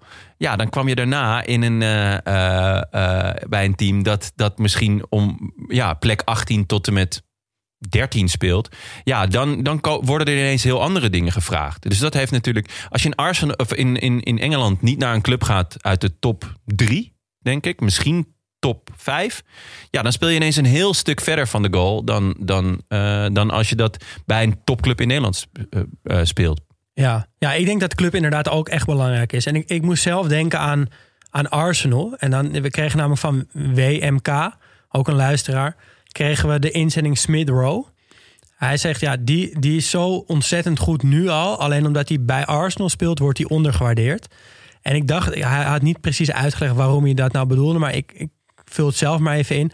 Arsenal staat toch een beetje bekend als de club van al die jonge talenten... waar er eigenlijk niemand echt goed wordt. Eh Diaby of Wilshire of eh, Ramsey of eh Sandro. Wie hebben ze allemaal gehad? Allemaal hele grote talenten, maar allemaal niet echt goed geworden. En ik denk dus, dus net als onze luisteraar WMK... dat Smith Rowe die ene is die wel echt goed is. En dat hij onderschat wordt omdat hij nou eenmaal bij Arsenal zit. Ja. Die het etiket hebben als een, een club met veel talenten die het niet Ja, redden. ik denk dat hij als hij bij City had gezeten... dat, dat zijn naam veel luider zou rondzingen op, eh, in de voetbalwereld. Want het omgekeerde is ook waar. Als er een, een speler uit de Ajax eh, jeugdopleiding komt, wordt hij hoger gewaardeerd dan Ja. iemand met dezelfde kwaliteiten van de Feyenoord Jeugdacademie. Je ziet het zelfs in, eh, in transfersommen, las ik laatst. Dat dezelfde speler bij Ajax op veel meer waard is dan bij Feyenoord. Ja, als Sinisterra bij eh, Ajax zou spelen, zou het Ja. misschien wel dubbele, dubbele waard zijn. Ja. Pijnlijk, pijnlijk voor een Arsenal-fan. En eh, pijnlijk ook, want Arsenal was natuurlijk ooit de club waar je als talent naar, naartoe ging. Ja. Kijk, eh, Fabregas, Van Persie, Henry. En inmiddels eh, ben je gewoon een loser als je er naartoe gaat. Ja, nee, ja, goed. Het is niet anders. Jammer. Jammer dat ze moet. Ehm, De prijzenkast. Ja, dat is ook wel iets. Toch, en dat wordt al snel voor iemand gezegd. Eh, ja, maar hij heeft dit en dat gewonnen, dus dan moet je wel goed zijn. Ja, dan, dan kom je eerder in de, in de overschatting natuurlijk. Want een prijs, een prijs ja, dat, dat staat achter je naam. Ja, maar dus als je dus Ja. niet, die prijzen niet hebt gewonnen, dan word je onderschat. Dan krijg je dus niet de gouden bal.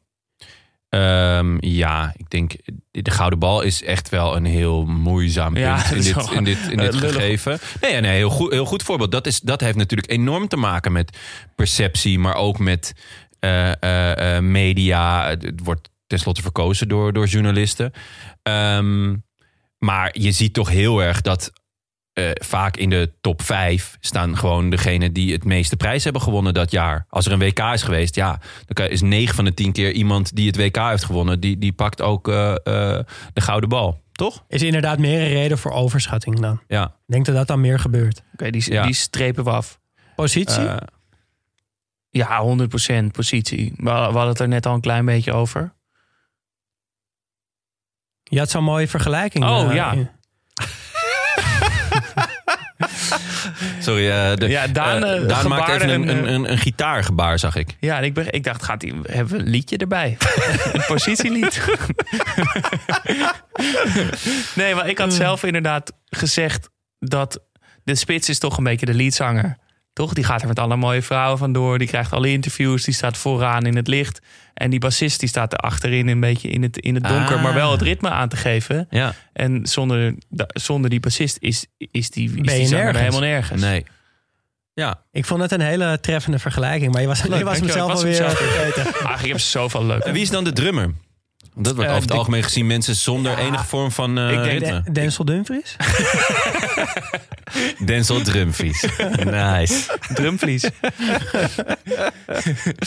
nou, ik denk dat de Eerste drummer, goaltje, die geven het ritme aan. Dus dat, dat moeten spelverdelers zijn, denk ik. Nee, drummers worden altijd. Die, die worden juist Die helemaal geven niet toch als ritme Ja, aan? maar die worden helemaal niet als muzikaal gezien. Dat, worden, dat zijn van die. Ja, maar de, dat zijn, dit zijn, maar een dit zijn de beetje de Teun wissels. De dan. wissels. die wordt ook niet echt als een, als een mooie techniek gezien. Nee, ja, ik denk drummers eerder assistenttrainers of scheidsrechter misschien. Of coach. Ja, Maar de leadzanger is natuurlijk de spits. nee, maar ja, En tuurlijk. dan staat er een of andere gitaarrocker daarnaast hem eh, met het, zo'n eh, een, een sprongetje doen en zijn gitaar zo over zijn nek heen te draaien, weet je wel? Ja. Of achter zijn rug te spelen. Dat is natuurlijk de rechts of de links buiten. En ondertussen houdt de bas, de bassist, die houdt de boel Die houdt het gaande. allemaal eh, in het gereel. Ehm, wel- welke positie dan? Ik, ik, heb er, ik heb er sowieso wel in in mijn hoofd. Ik denk dat we daar wel over eens zijn. Maar welke, welke positie zien jullie als, als een positie die wordt onderschat? Keeper. Ja, nou ja. Het is wel echt. Grensrechter. Ja, jij wil naar de nummer 6 toe, denk ik. Ik wil naar de nummer Ja. 6 toe. Ja, dat klopt. We hebben net Mietje al, ehm, al gehad. En eh, we komen straks, eh, we mogen straks mogen we toch ook een klein beetje onze mening geven. Ehm, maar de- dat is eigenlijk een beetje de slotvraag van wie vinden wij de meest onderschatte speler. Eh mijne is een 6, een, eh een Golo Kanté. Eh, ah ja, die, die tikt ook wel een aantal boxes, denk ik. Maar vind je die nog steeds onderschat? Of Ja. niet, inmiddels niet meer? ik vind hem eigenlijk nog steeds onderschat. Gewoon hoe goed hij is en hoe belangrijk hij is voor Chelsea. En hij werd, eh, hij werd niet eens genoemd bij de Gouden Bal. Ik bedoel, ik zag hem niet voorbij komen in de, in de favorietenlijstjes. Nou ja, stond, volgens mij is hij achtste of negende geworden. Ja, maar het is wel in ieder geval de meest geliefde geen drie. Ik Nee, bedoel, eh, als, als we het dan over Jorginho hebben, die ernaast staat en die, die elke die verschrikkelijke penalties met het hupje neemt. Ik erg me er zo aan. zo slecht is het. Nou, Eh, de manier waarop je penalties neemt, dat zorgt dus ook voor onderschatting. Nee, ja, je, ja, nou ja, goed, ik heb gewoon niet zoveel met hem. Maar Kan- Kanté zorgt in mijn ogen dat, dat Chelsea kan voetballen zoals zij dat doen. En het, het, het meest mooie voorbeeld vond ik eh, het EK... ehm, waar Pogba ineens eigenlijk na jaren van, van gesappel eh, ineens echt de, de, de sterren van de hemel speelt. En nou ja, daar, zijn, daar kun je een aantal factoren voor noemen. Maar volgens mij was de belangrijkste factor was eh, Kanté. Die echt ja, hem liet floreren. En dat, dat viel gewoon niet heel erg op. Omdat Pogba... Dan ziet ineens ook alles schitterend eruit wat hij doet. Doelpunten maakt. En, eh, maar ja, ik, eh, ik vind hem echt... eh, en ja, hij, ik vind het heel typisch voor de zespositie. Het is een heel dienende positie. Weinig goals, weinig assists. Maar wel veel ballen afpakken. Spel versnellen, spel verdelen, spel verplaatsen. Je ziet het ook gelijk aan een ploeg als ze geen goede zes hebben. Dan is het voet- voetbal stroperig. Maar ja, dat heb je dan toch niet door of zo.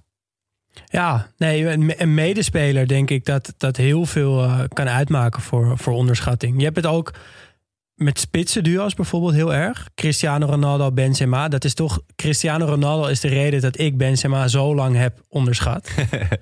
Pas, denk je- pas toen hij het liet zien zonder Cristiano, zag ik eindelijk dat hij toch heel goed is. Ja. Eh, Hesky Owen.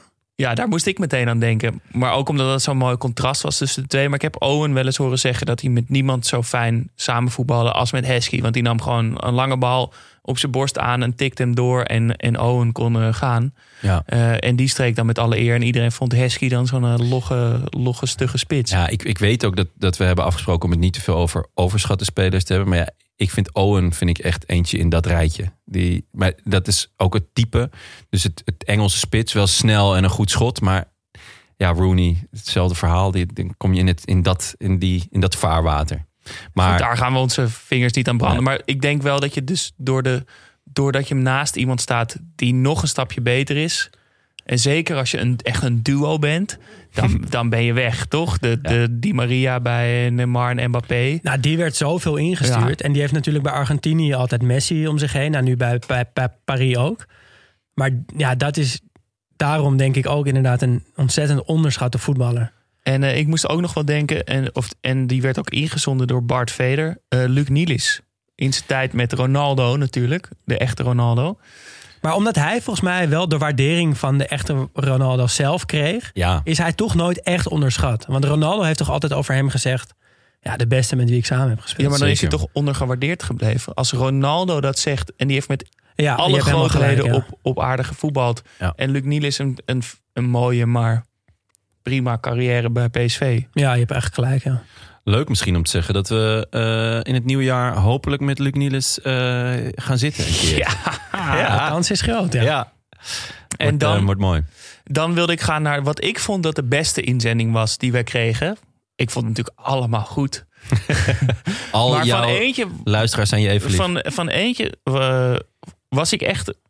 Moest ik ook echt even nadenken, want dat was Jelle Lane. En die zei Messi. dus ik dacht, nou, dat, hoe kan je dat nou zeggen? Want het is de meest gewaardeerde voetbal, voetballer op aarde. Maar, en hij beredeneerde dat. En ik, ik zal het even voorlezen wat hij zegt. Hij schreef namelijk: Kijk, tegenwoordig gaat het zo. Messi maakt een zoveelste wereldgoal. Reactie van de mensen: Ja, dat is normaal, dat is Messi. Terwijl dat dus echt niet normaal is. Kijk, ik weet intussen door veel te luisteren dat wij Barça en Messi-adepten zijn. Maar pas over een x aantal jaar gaan sommigen echt goed beseffen hoe goed hij wel echt is of was. Ja, een beetje Daar ben ik het helemaal mee eens. waar we het met Busquets ook over hadden. Ik denk inderdaad dus dat je, dat je door iedereen gezien kan worden als de beste voetballer ter wereld. Maar daardoor word je dus ook een soort van aan de kant geschoven en niet meer serieus genomen.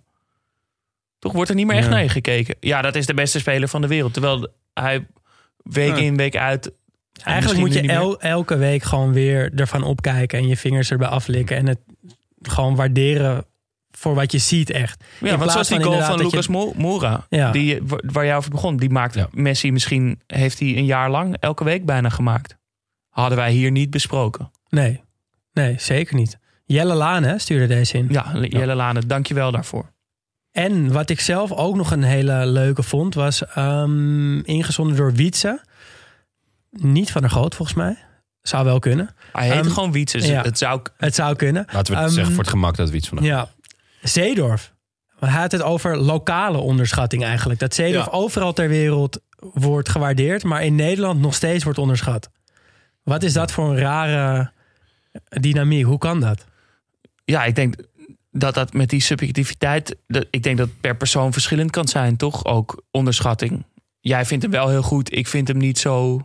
Ja, de ik- waarheid zal er misschien tussenin liggen. ja, ja oké, maar, maar dan... En dus ook misschien dus per land of per club of per, per fan. Of, Ja. zeg maar, Ja, maar ik vond, ik vond dit wel wel heel opvallend, toch? Ja, Seedorf is wel echt een, Maar een, een bij verhaal uitstek, apart. inderdaad. Ehm, ja, wat hij daar zelf over zegt, ook in zijn boek, is eh, dat, dat zijn houding, dus, dus, eh, en, en eh, met name hoe jong wijs hij was, dat dat ontzettend botste met de Nederlandse eh, volksaard. De volksaard van doe maar normaal, dan doe je al gek genoeg. Er kwam natuurlijk best vroeg een, biografie. Hij vond zichzelf vrij goed en terecht. Ehm, en in een land als Italië, waar, ik, waar hij denk ik het meest werd gewaardeerd, maar ook in, in, in Spanje. Ja, werd die gewoon, wo- wordt die eigenschap eh, wel heel hoog aangeslaan, aangeslagen. maar dan is het dus eigenlijk een combinatie van persoonlijkheid gemixt met lokale cultuur. Ja, en misschien ook wel, dat hebben we niet, nog niet besproken. eh, en dat is misschien ook lastig om te zeggen, maar ook huidskleur. Eh, dat zal, dat Dat zal bij. Seedorf eh, ook echt wel eh, mee hebben gespeeld. We- nou ja, in, in het Ajax 95, waar zo vaak over wordt gezegd hoe mooi en goed het allemaal was. Maar er waren, was heel veel onvrede in de spelersgroep over dat donkere jongens toch wel een stuk minder betaald werden. Nou ja, als we het dan toch over waardering hebben, dan, dan zit dat daar ook in. En dat had, had Seedorf zeker. Ja, want er was een onderzoek naar hoe commentatoren een wedstrijd beoordelen. Ja. En er werd er, werd er gewoon de wedstrijd gekeken en commentaar bijgepakt. En werden die commentatoren gevraagd daarna om dezelfde wedstrijd te becommentariëren. Waarin alle poppetjes anoniem waren gemaakt. En eh, gewoon, eh, weet ik veel, blauw waren. Ja. En dat was dus een wereld van verschil. Echt? In de gewone wedstrijd worden zwarte voetballers geduid als atletisch sterk, lichamelijk, fysiek, Ja. snel. Dat is echt. En witte spelers worden dus veel meer beoordeeld door commentatoren op spelinzicht en eh, eh, Gochme, ja, dat Ja. is echt schokkend. Maar dat viel dus helemaal weg bij dat onderzoek. Sterker nog, toen werden, volgens mij was het een wedstrijd van Polen en Senegal waarbij dit gedaan werd. Uh, en werden, uh, als je dus kleur wegliet, werd, uh, werden die spelers van Polen dus vaker atletisch en snel en zo genoemd. Dus het was gewoon puur Ja. Op basis van Ja. de uitskleur dat die commentatoren dat in eerste instantie zeiden. Ja, een vriend van mij heeft, hier, heeft me hier eh, eh, een, een, twee jaar geleden op gewezen. En eh, elke keer als het weer zo is dat, dat, een, dat een zwart speler atletisch wordt genoemd, dan stuurt hij even een appie vanuit. Blijft hij aan de gang waarschijnlijk. Ja, het is echt niet normaal. Het is echt niet normaal. Maar goed. en als je er eenmaal op gaat letten. Ja, nee, ja, je gaat pas zien als je het door hebt, door hebt als je het ziet. Maar eh, ja, dat, he- dat, is, dat helpt zeker ook. Of dat is ook zeker een, eh, een, een belangrijk geval van onderschatting. Nou, laten we daar eh, deze misschien factoren dan eh, op een beetje op deze wrange manier mee afslaan. Nou ja, het is, het is verschrikkelijk dat het gebeurt. Ja. Dan eh, hebben we onszelf dus ook de vraag gesteld: wie vinden wij de meest onderschatte speler? Heb ik al beantwoord. Jij hoeft yes, niet meer. ik eh, mag gewoon naar huis. Jij, veel plezier. En ik, ik had zelf ook Scholes opgeschreven. Ja, Want eh, we hebben het al wel eens eerder over hem gehad in onze aflevering over Manchester United in 99 uit mijn hoofd. Wie noemde hem nou eh, de beste tegen wie hij ooit gespeeld? Was dat Zidane? Ja, Ja, hè? Ja, En als Zidane het zegt. dan is het waar. klopt. Ja, en maar hij heeft dus inderdaad ook alles wat, wat er nodig is om onderschat te worden. Ja. En de positie, de manier van spelen, de persoonlijkheid, het uiterlijk. eh, te klein, rood haar, te stil, niet te flitsend, behoudende positie. Ehm, Behoudende en- speler en op een ik ben dus hier manier, ook- lijkt het. ja, Voor een nummer 10 leek, was hij inderdaad niet spectaculair genoeg of zo. En ik denk, ik heb hem Nee. denk ik niet vaak live genoeg gezien voetballen, maar puur afgaande op inderdaad wat medespelers over hem zeiden en tegenstanders, zou ik zeggen Pascals. Ja, Even ja, ik, moest, ik, ik, ik kwam niet op iemand die er echt heel erg bovenuit stak voor mij. Maar dus ik heb me even gericht op, op wie ik op dit moment de meest onderschatte speler vind. En dan is dat voor mij Greenwood. Ik vind hem zo ontzettend goed. Uh, en hij zit alweer op de bank bij Menu. Hij is volgens mij een speler die, omdat dus bij Menu zoveel grote namen spelen, uh, Rashford, Sancho, Ronaldo, Cavani, Bruno Fernandes, dat hij, omdat hij jong is, heel snel het kind van de rekening wordt. Maar ik vind hem zo goed. Eh, hele mooie speelstijl, tweebenig, eh neus voor de goal, kan een assist maken, kan in een combinatie spelen, eh, kan, ja, kan mensen passeren, kan eigenlijk alles. Ehm, dus ik vind dat hij echt heel erg onderschat wordt. Ja. Mooi. Ehm, even de conclusie. Ehm, want mensen die, die, onze luisteraars, die gaan een discussie voeren. Die gaan hopelijk dezelfde discussie voeren als wij. En dan over spelers. Eh, hebben we ze hiermee voldoende handvat gegeven om deze discussie te voeren? Eh, ik hoop het. Ik denk dat, dat je misschien dus, als je er bewust van bent, wat er mee kan spelen in jouw eigen mening vormen over een, over een speler. Als je daar bewust van bent, denk je dat het, al, dat het makkelijker wordt om het objectief tussen aanhalingstekens te beoordelen. Maar een andere, man, ik denk, andere manier is dus wel data. Ja. Ook. Ja, want eh, daar zat ik. Ik ben dus vandaag best wel in de data gedoken. En eh, dan kom je inderdaad heel snel op expected goals en expected assist. Maar ook op eh, eh, passing accuracy. Maar inmiddels is dat ook al gespecialiseerd in waar die passes dan naartoe gaat. Want ja, een eh, verdediger die zes keer, eh 16.000 keer de bal naar de andere verdediger of naar de keeper. Ja, dus daar heb je ook niet zoveel aan. Ehm, in Nederland wordt het in ieder geval eh, ehm, in combinatie met de media niet zo heel vaak gebruikt. Eh, ik, je ziet het wel eens bij ESPN. Er komen best wel rare statistieken voorbij, vind ik. Van, eh, nou, ik zat eh, zaterdag PSV te kijken en toen kwamen ze 1-0 achter. En toen wist de commentator te melden dat PSV al sinds augustus 2014 niet meer had verloren op een zaterdagavond. Ja, who gives a fuck?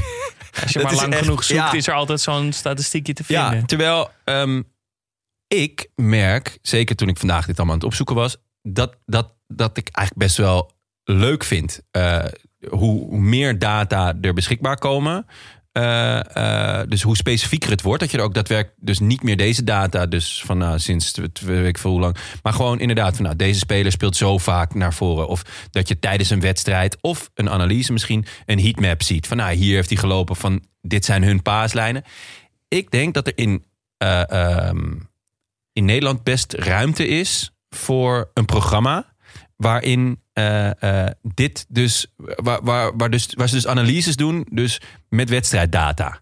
Ehm, Ik, ik dus weet dat... een beetje het, het, eh, ergens te, in tussen Pieter Zwart, Pierre Noir, en ehm, eh, eh, eh, nou ja, Studio Voetbal of, of Voetbal International, Voetbal Insight. Eh, z- zeg maar, dus ja, dat het dat het dat er iets net minder een meningenprogramma en iets meer data gestuurd. ja, kijk, de BBC halen we natuurlijk vaak aan. Match of the Day. Match of the Day doet dat ehm, eh, best wel. Ze- Zij gebruiken vaak beelden. Dat vind ik al heel vet, want eh, ja, daar word je beter van, daar leer je weer van. Maar ook, eh, Maar je moet die beelden dan ook duiden. nou ja, ik zou wel heel graag willen weten van hoe, va- hoe vaak paast Kanté nou een bal naar voren? En wie is de speler die hij het meest aanspeelt? En hoe, op welk deel van het veld verovert hij een bal? Waardoor, waardoor je dus... eh, want ja, het is veel vetter of veel handiger of beter om een bal op de helft van de tegenstander te veroveren. Eh, maar dat is ook veel moeilijker, snap je? Dus ja, de, de, Ja, de, de statistieken zijn er. Want Ja, toch? Ik, ja, ik zit wel een beetje op voetbal Twitter. Dus dan volg ik een beetje dat soort partijen. Dus het komt allemaal wel voorbij. Alleen wat je zegt, het is voor de leek moeilijk te volgen. En ik denk dat, dat een soort programma waarin iemand die dit goed kan uitleggen, eh, die data een beetje behapbaar maakt, dat en heel interessant is, en dat het dus ook eh, nou, nog een handvat kan geven in, in het wel of niet onderschatten van spelers. Dus het kan best wel interessant zijn. Ja, want ik, die- ik kwam nu op een paar eh, echt wel mooie blogs of mooie websites. Alleen, ja, daar werken ze dan met foto's. Ja, dat, dan haak ik toch een beetje af. Want dan, dan ja, ik vond het heel moeilijk. Ja, de, de, zeg Ja. maar, ik, kon niet, eh, ik, ik kon niet aan die foto's zien wat nou die voetballers wel of goed deden. Dus het is echt iets wel wat op beeld moet. Dus het, het, moet, een, het moet een programma zijn. Eigenlijk voor ESPN, want die, die, die hebben al die data. Eh, zou dat, ligt er volgens mij echt wel een gat, een gat in de markt. Ik vind het goede. Ik, ik, eh, ik zat dit ook een beetje te. Dus over die data na te denken in hoeverre dat als, dus kan helpen. En ik speel het niet, maar ik dacht. Een van de manieren om dus echt te kijken of om die data voor jezelf toe te passen, is Fantasy Premier League. Ja, dan hebben we... Daarmee kan je dus echt, kan je toch, kan je het echt eh, toetsen ook. Want wij hebben hebben een specialist aan zijn er tafel, hè, wat natuurlijk ook meningen. En ik weet dat Daan een fanatiek... Hoeveelste sta je dan van de wereld? Eh, nog net binnen de 100.000. Kijk eens aan. Dat klinkt... eh, nou, dat is gewoon best goed, maar het moet echt nog wel beter. Hoor. Ik heb een paar klote weken gehad. Maar, ehm, en, en ik, ik kwam op een verhaal waardoor ik eigenlijk... eh ooit opeens een stuk duidelijker voor me werd... wat nou echt belangrijk is.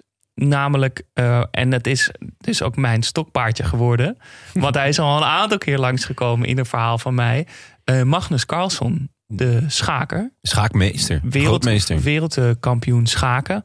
Had een keer, ik had een, een keer een, een vergelijking gemaakt over hoe hij schaakte met hoe Zidane voetbalt. En hij schaakt dus op een hele analytische, rationele manier. Heel erg dus data gedreven. Maar daar overheen gooit hij een laag intuïtie. En nou wil het dus zo zijn dat van in ieder geval in 2020 speelden er 7,5 miljoen mensen Fantasy Premier League. Een, toch een goed, een mooie steek. Dat is niet weinig. Eh, Daan, hoeveel ben jij geworden even tussendoor toen, vorig jaar? Weet ik even niet meer uit mijn hoofd. Jammer. eh, wie maar, werd er... maar niet... eh, Nee, je werd niet eerste. Nee. Want ik weet wie er eerste werd. Namelijk Magnus Carlsen. Dat vind ik echt ongelooflijk. Dat ik is vind toch- dat ook zo Dat sick. vind ik echt Dat is toch niet normaal? Dat, Ja. En bedoel, het is lekker voor ons dat het een mooi rond verhaaltje wordt. Het is ronder dan de- rond dit, hoor. De, de, de vergelijking die we hier eerder hebben gemaakt. Maar überhaupt dat een, graad, een schaakgrootmeester dus Fantasy Premier League speelt, is al heel vet. En dat hij dus wint. En dus ook nog eens door de soort manier van spelen. Want ik denk dat hij zei zelf hierover. Ja, kijk wel naar al die data, maar het is ook gewoon geluk hebben. En ik denk dat dat, dat, dat, dat geluk hebben, die, die, dat percentage wat er daarvoor heeft gezorgd, dat, dat gelukpercentage erin, is zijn intuïtie dus geweest. Ja. Dat hij dacht van ja, dat zal wel die expected goals, maar ik denk toch dat het niet gaat gebeuren. Of Ja. juist wel. Heel vet. En ik denk dat we zo dus ook naar data moeten gaan kijken. Misschien Van, ook ja, leuk, het is hè, fijn, het is keer, een eh, handvat, maar je moet er ja. niet blind op staan. Ja, misschien leuk ook een keer voor de podcast, hè, Magnus Carlsen. Ik weet niet hoe zijn Nederlands is, maar... Ik kan hem wel een berichtje sturen op eh, Fancy Premier League. Zo, wat Zo. een, eh, Ja, wat een bevalling. ja, was het wel. Ja, ehm, ik hoop dat we eh, niet een beetje weg zijn gebleven van de meningenfabriek. Nou, kijk, een beetje mening is niet maar erg. daar Maar ontkomen we niet aan. Eh, en vooral dat we onze mening goed onderbouwd hebben. ik denk echt dat we de luisteraars wel wat handvat hebben gegeven om, eh, om, om te waken voor zomaar wat zeggen over iemand. Yes. mooi. Waar kijken we naar uit de komende dagen? Ja, ik kijk heel erg uit naar de loting van de Champions League, Europa League en Conference League. Ehm, die is nog niet helemaal gespeeld, die laatste speelronde, als jullie dit luisteren. Ehm, maar maandag volgende week is die loting. En het zou zomaar kunnen dat er heel veel Nederlandse club- clubs meeloten. Dus daar heb ik eigenlijk echt wel zin in. En ik ben ook wel toe, merk ik, aan die knock-out fase. En jij houdt ook heel erg van die ceremonie met die balletjes, toch? Ja, ik, van minuut één ben ik Warme ingeschakeld. balletjes. Ja, het is ongeluk. Kijk, eh, het is natuurlijk buitengewoon tragisch dat, dat eh, in de week dat Arie Ribbens overlijdt. God hebben zijn ziel. De koning van de Zeg het maar. Polonaise. eh Polonaise, Hollandaise. Dat dan voor het eerst in jaren de echte coëfficiënten Polonaise kan worden ingezet, jongens. Ja. Want eh, PSV en Vitesse, het kan gewoon. En dan eh, vijf clubs overwinteren in Nederland. Daar loop ik mee hoor, in die Polonaise. echt. Arie Ribbens op en gaan. Ja. Brabantse nachten zijn lang. Eh, Ehm, zondag is de derby van Madrid. El Derby Madrileño. En kort verhaaltje tussendoor voor de, voor, uit de oude doos. Eh Bernd Schuster. Dus een van de weinige voetballers die voor beide clubs he- heeft gespeeld. Maar ook bij Barcelona heeft gespeeld. Dus Oh. hij is zowel gehaat in Barcelona, omdat hij toen naar Madrid ging. Of naar Real ging, als in Madrid. Want hij ging van Real naar de andere aartsrivaal Atleti. Oh, dat is een beetje alsof je er zus en haar moeder hebt gepaald. Ja, Toch? je hebt wel echt alle schepen verbrand. Ja, maar zo was hij dus ook. Hij, hij, zijn bijnaam was de Gouden Engel. Het was ook een knappe, knappe, verwende, verwaande jongen. Was Bernd Schuster ooit een knappe man? Ja, hij werd overal eh, gezien als knappe jongen. Ik zal, Als een foto, eerste Duitser ooit. ik zal een foto op Instagram zetten... en dan kunnen de luisteraars zelf bepalen of ze me knap vinden. Misschien even een polletje doen. Mooie man of niet? Zijn ouders vonden hem in ieder geval wel een hele mooie man. Ja, en hij is dus echt opgevoed als, als als troetelkindje, hoefde nooit iets, mocht alleen maar een beetje voetballen. Kon wel echt goed Ja, voetballen, was een mooie creatieve middenvelder. Eh, vond zichzelf dus ook wel een hele knappe jongen. Vandaar ook dat hij het altijd met de trainer oneens was. Beetje onderschat. In 1986 speelde hij de Europa Cup finale voor Barcelona onder, onder Terry Venables tegen Steaua Boekarest. En eh, die kregen weer eens ruzie. Hij heeft overigens met elke coach waar hij ooit onder heeft gespeeld ruzie gekregen. Dus dat was geen verrassing. Ehm, hij werd in de 86e minuut gewisseld als beste penaltynemer bij een 0-0 stand. Was er niet mee eens. Stormde boos naar buiten. Naar buiten hield een taxi aan. Die taxichauffeur schijnt gezegd te hebben... "M- maar jij staat op het veld. Want die was de radio aan het luisteren in zijn auto. En die, het commentaar ging gewoon over Schuster. Oh, wat goed zeg. Schuster was op tijd thuis om de penalty-serie te zien... waarin Barcelona zonder een penalty te raken verloor. We hebben nul penalties gehad. Nul penalties. Wauw. Dat is wel een heerlijke afsluiter. Ja, dan, dan gaat mijn, eh, mijn... Waar ik naar uitkijk valt een beetje niet, maar sluit mooi aan bij, eh, bij Daan. Eh, pool B in de Champions League. Eh, er zijn nog twee is pools echt spannend. Eh, Liverpool is al door. Eh, maar om de tweede plek is het echt spannend. Porto heeft nog vijf punten. Die staat tweede. Eh daarachter AC Milan van de goddelijke zlat. En eh, Atletico heeft ook vier punten. Milan speelt thuis tegen Liverpool. Is al wel geplaatst. Dus eh, hè, laten we hopen dat het, eh, dat het goed gaat. En Zlatan werd gespaard dit weekend. Ja, dat is nergens voor nodig, joh. Hij is he's like Benjamin Button. 40. Ik vind het toch altijd bijzonder als ik Ja. dat zie staan. 40 jaar. 4.0. Ja. Ja, nee, dus. eh, eh, en Porto speelt thuis tegen Atletico. En ik kijk daar naar uit. Kijk nooit uit naar een wedstrijd van Atletico. Ik hoop echt van ganser harte dat ze eruit gaan. Eh, ook eh, omdat ik weet dat als Atletico doorgaat, dan weet je wie Ajax gaat loten. Liverpool. Dat kan niet. Oh nee, dat kan niet. Ehm, ik, ja, ik geniet dus alleen dat- van Carrasco. Dat wilde ik nog wel gezegd Oké, hebben. vooruit. Moet je uit. Onderschat. We hebben twee nieuwe vrienden van de show. Kan je dat onderbouwen? Kan je dat onderbouwen? We hebben twee nieuwe vrienden van de show. Alex en Jim Sim 85. Dankjewel. Eh zijn we heel erg blij mee. We kregen ook nog een lief berichtje. eh, waarom, eh, waarom ze vriend van de show waren geworden. Ja, en ook veel eh, mensen die deelden hè, dat ze heel lang naar ons hadden geluisterd. Ja, dat vonden we ook echt leuk. De Wrapped, de Spotify Wrapped. Wrapped. En toen kwamen we er dus achter dat sommige luisteraars al meer dan 10.000 minuten naar ons Dat hebben is geluisterd. echt Een murderlang. Om de woorden van Vegeta te gebruiken. It's over 9000. Sorry. Eh, verder kan je natuurlijk gewoon, eh, als je eh, dit jaar of komend jaar ook weer die 10.000 minuten wil aantikken. Dat kan natuurlijk gewoon, want je kan onze oude afleveringen luisteren over teams uit het recente verleden. Zoals het Portsmouth van Harry Redknapp en eh Namanco Canu. Dat op Fratton Park bijna van AC Milan. Of het legendarische Valencia van Gaisca Mendieta dat de Champions League finale haalde. Of natuurlijk gewoon eh Ajax van Slatan of PSV eh, van de Brazilianen. Of eh, het AZ met alle barries. Kan gewoon allemaal, jongens. Dus ga dat lekker luisteren en tot volgende week. Studio Socrates werd mede mogelijk gemaakt door Dag en Nacht Media. Wil je meepraten? Dat kan. Laat een bericht achter op vriendvandeshow.nl slash Studio Socrates of via Instagram studio-socrates. Mailen kan trouwens ook. Ons e-mailadres is studiosocratespodcast.gmail.com Vond je het leuk? Laat dan een review achter via iTunes of word vriend van de show vanaf 2,50 euro per maand. En help Jasper en Daan aan een Nintendo Switch, zodat we met z'n drieën een potje FIFA kunnen spelen. Ja, ja, dank u Sinterklaasje.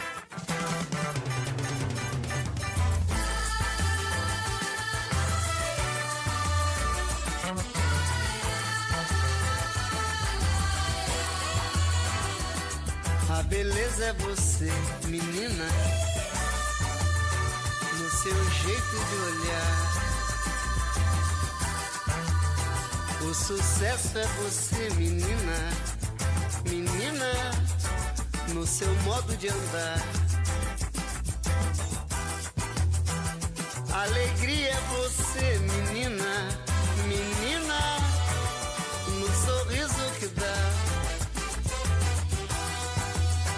Vendaval por amor, menina, menina, todos querem te amar. Ei, vento, vento, vento no mar. Te segura no balanço pro vento não te levar. Ei, vento, vento, vento no mar. Te segura no balanço pro vento não te levar.